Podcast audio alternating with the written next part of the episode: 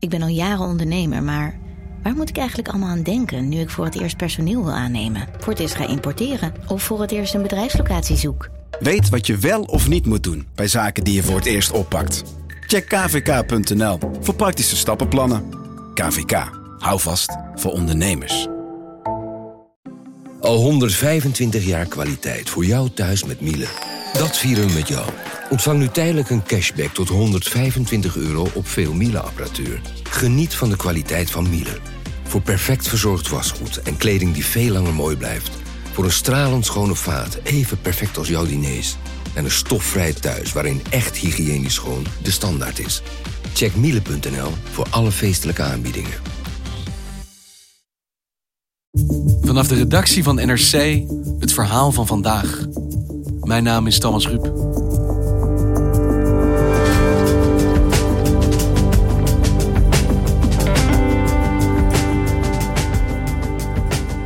Het is een techflop die zijn weerga niet kent. Het Amerikaanse WeWork verloor in een paar weken tijd voor miljarden aan waarde.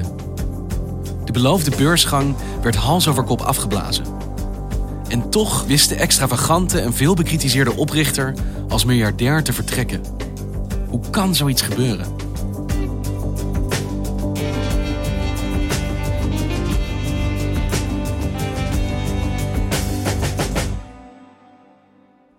From the first day that we started WeWork, it was about bringing people together. WeWork is echt het kindje van uh, Adam Newman. This was always about changing the world and building something very big. Een jongen die uit Israël komt. Hele hippe New Yorkse ondernemer. Heeft een gigantisch hoeveelheid zelfvertrouwen. Dat is eigenlijk wat hem kenmerkt. Magnetische aantrekkingskracht. Stijn Bronswaar is tech-redacteur op de economieredactie. En hij had een concept, een soort we-gevoel zoals hij dat dan noemt. And it's an energy of people doing their own thing while actually still being part of something greater than themselves. Je moet niet als persoon je persoonlijke carrière nastreven, maar het moet een wij-gevoel zijn. You have to reinvent how people live. And you have to reinvent how people work. Dus het was een soort beweging. We work and we live and we grow. The single most powerful word is the word we. En dat klinkt als een prachtig, nou ja, esoterisch idee van, uh, van gemeenschap. Maar hoe Ja. vertaalt zich dat nou uiteindelijk in dat concept? Wat is nou precies wat WeWork biedt? Ja, wat ze doen is eigenlijk, je kan een soort lidmaatschap afsluiten. Voor een paar honderd euro per maand kan je daar een soort plekje huren.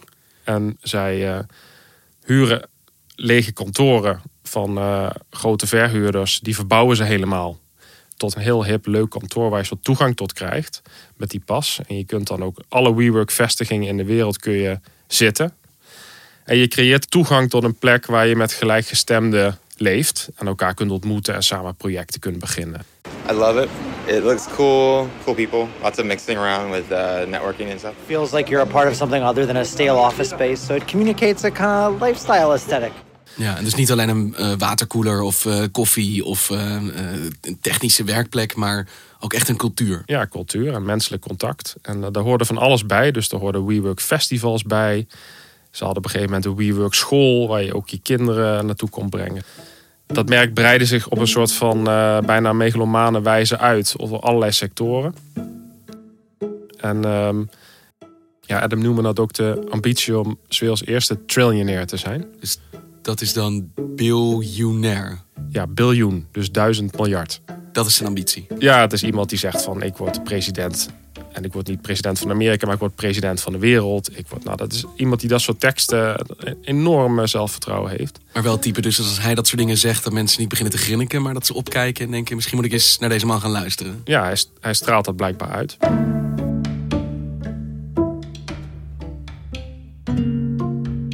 En er is op een gegeven moment een punt dat hij de baas van een Japans investeringsfonds, SoftBank, ontmoet.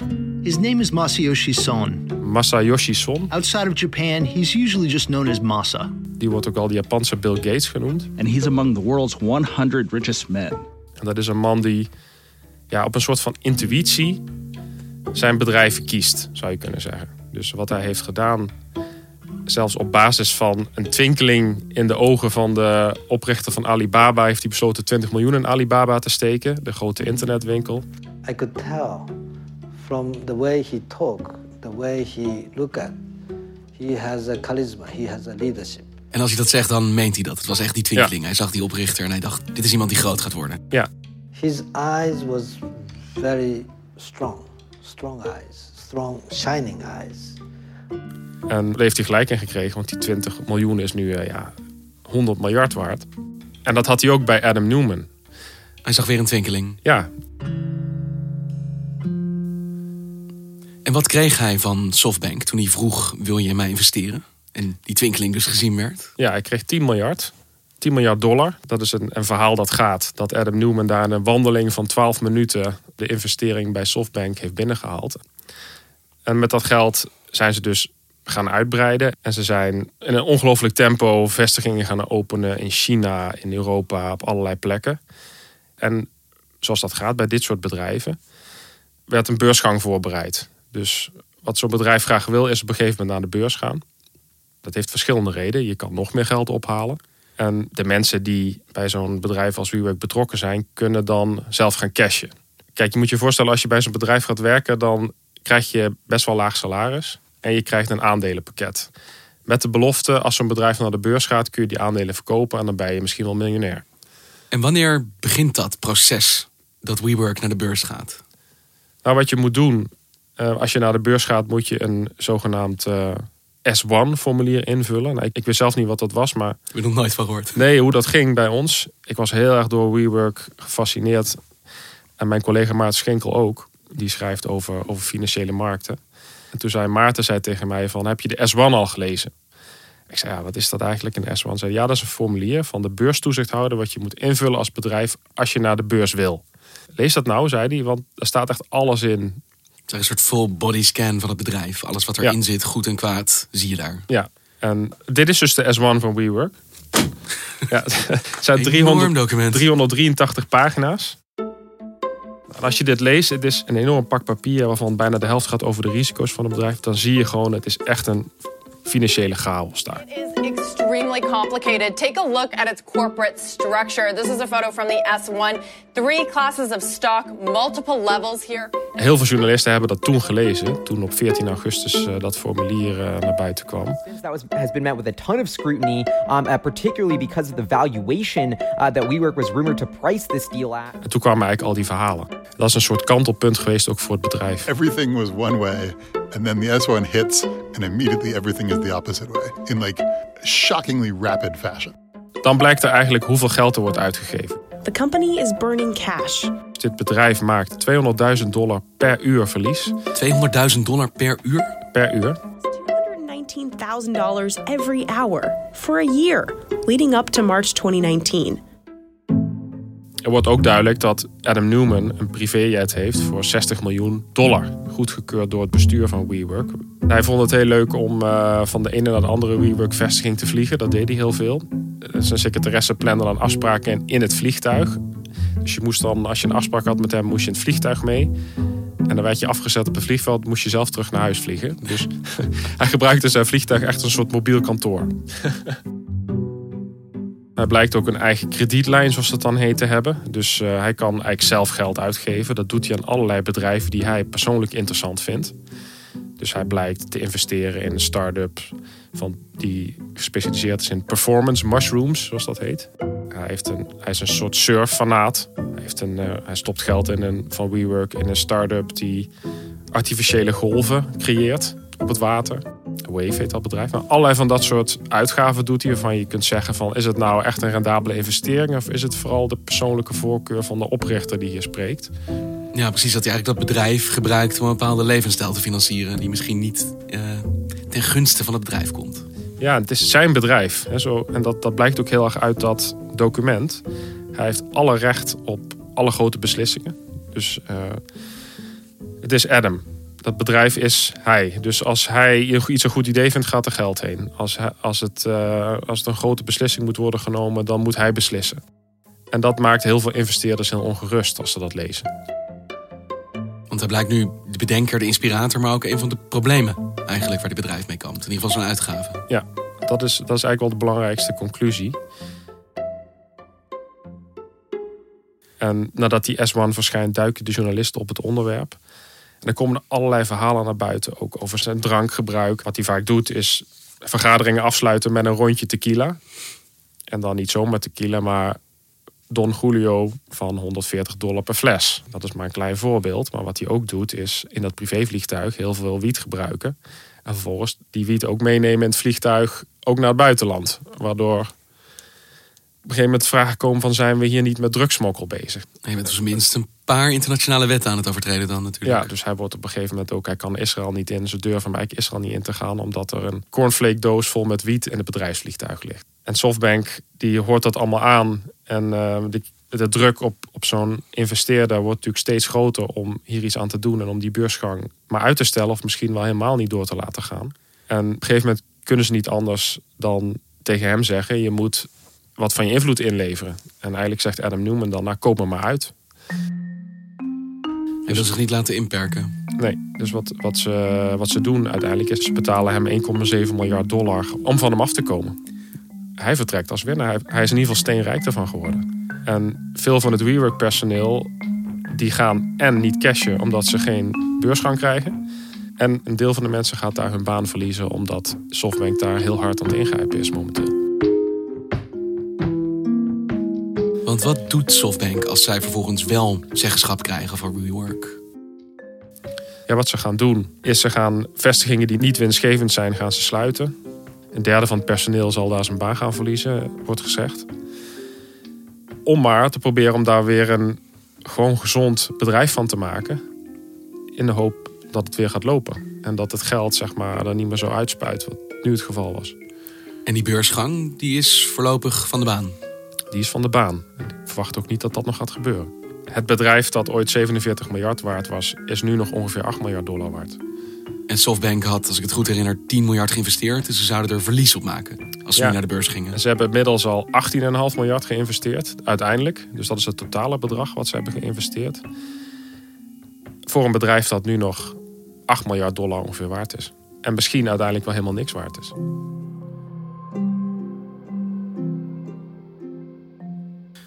De vraag is toch ook een beetje, hoe kan het dat zoveel geld erin gepompt wordt... terwijl je eigenlijk geen idee hebt wat je in handen hebt?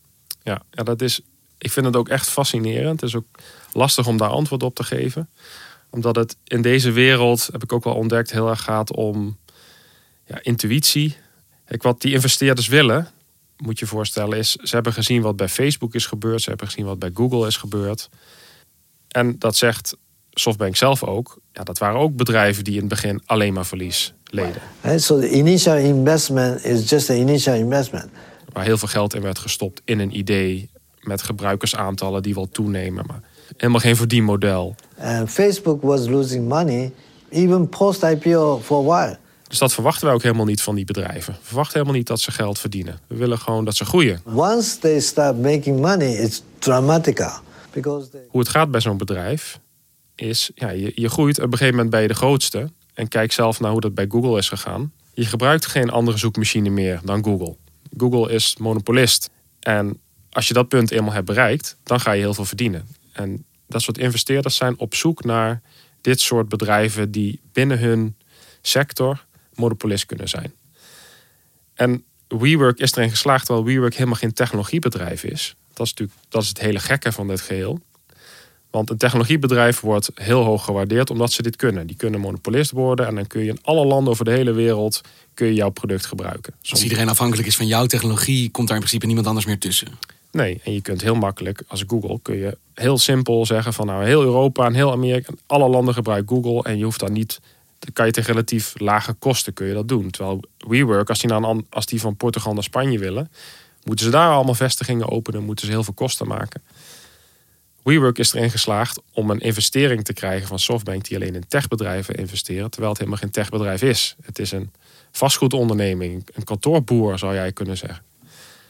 En dat heeft echt, in mijn optiek, echt te maken met een soort van persoonlijke connectie tussen die Son, dus die baas van Softbank, en Adam Newman.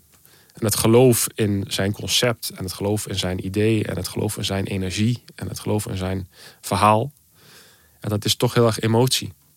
Ze hebben zich gewoon compleet blind gestaard op het charisma van deze man. Ja, dat heeft, heeft uh, Son heeft dat ook toegegeven later. Hij heeft ook gezegd van... Uh, Ik heb me een beetje laten eh, inpakken door Adam. Hij is ook echt wel door het stof gegaan. Maar een beetje laten inpakken. We hebben het over een investering van 10 miljard, inmiddels 18. Ja. Hoe kan dat nou? Als er zulke bedragen gemoeid zijn, dat je dat doet in een bedrijf dat van binnen zo rot als de pest blijkt. Ja, ja het is ook, kijk, het is ook het Amerikaanse verhaal van de, de founder. Ja, dus het is de, de American Dream. Weet je, dus zo'n zo'n jongen die uit Israël komt, in New York gaat wonen, zelf een bedrijf opricht, daar zelf heel geloof van heeft. Het is zijn onderneming. En dat is ook een verhaal waar je in wilt geloven. Het is natuurlijk ook heel vaak gelukt. Het is bij Google ook gelukt. Het is bij Facebook ook gelukt. Misschien was dit wel de nieuwe Facebook. Zoals Softbank goed heeft gegokt bij Alibaba, waar ze 20 miljoen instoppen en uiteindelijk het aandeel is nu 100 miljard waard. Kan je ook een keer misgokken. En hier is heel erg misgegokt, zou je kunnen zeggen.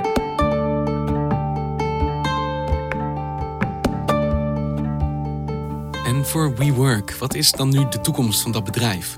Bestaat dat nog over een aantal jaar? Zien wij straks nieuwe vestigingen in Nederland of gaat dit mogelijk gewoon verdwijnen? Ze zeggen zelf van uh, geen veldje aan de lucht. Maar ondertussen, die beursgang wordt afgeblazen. Dus dat betekent dat ja, het grote talent, zou je kunnen zeggen, van WeWork... dat gaat misschien toch eens voor een ander techbedrijf kiezen... waar je wel een beursgang en een uh, toekomstig multimiljonairschap tegemoet kan zien. En je kan je afvragen van gaat het bedrijf het redden? Maar goed, dat is lastig om, om uh, te speculeren. Dat, dat hangt heel erg af van wat ze nu gaan doen. En of het ze lukt om de boel om te draaien in een, gewoon een normale winstgevende onderneming. En Adam Newman, hebben we nog iets van hem gehoord sinds hij met dat enorme bedrag is vertrokken? Het is heel stil rond Adam. Alle verhalen die over hem verschijnen, lees je dat hij niet bereikbaar is voor commentaar. Maar hij heeft geen optredens meer gegeven, hij heeft geen interviews gegeven. Misschien is hij wel aan het nadenken over een nieuwe start-up die hij gaat beginnen. Want hoe het vaak gaat bij dit soort founders, die verkopen hun eerste succesvolle bedrijf voor heel veel geld. En gaan vervolgens met een comfortabele bankrekening gaan ze grote risico's nemen om een nieuw idee dat ze hebben aan de man te brengen. Maar het lijkt me dat hij met zijn geschiedenis toch best wat moeite gaat vinden om dit nog een keer te doen. Nog een keer een investeerder bereid te vinden om hem zo te steunen. Ik denk het eigenlijk niet. Als je kijkt naar Travis Kalanick, de oprichter van Uber, die echt wel wegging met vrij grote schandalen over een taxichauffeur die die uitschold en allerlei vrouwonvriendelijke praktijken bij Uber. Die is momenteel heel druk met zijn nieuwe bedrijf, wat ongelooflijk goed loopt, waar hij van honderden miljoenen aan investeringen voor ophaalt. Onder meer door Uber zelf. Dus ik denk dat Adam wel weer boven komt drijven, eerlijk gezegd. We gaan nog wel van hem horen. Ik denk het ook.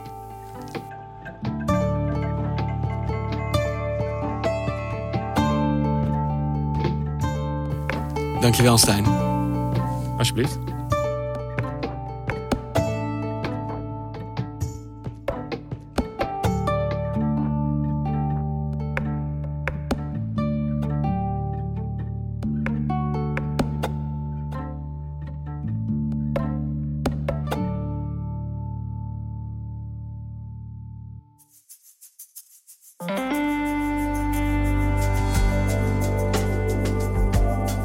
Je luisterde naar vandaag, een podcast van NRC. Eén verhaal, elke dag. Dit was vandaag, morgen weer.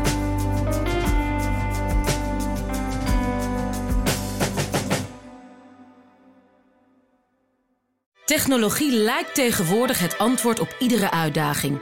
Bij PwC zien we dit anders. Als we de potentie van technologie willen benutten, kunnen we niet zonder een menselijk perspectief. Human-led, tech-powered noemen we dat. Ga naar pwc.nl.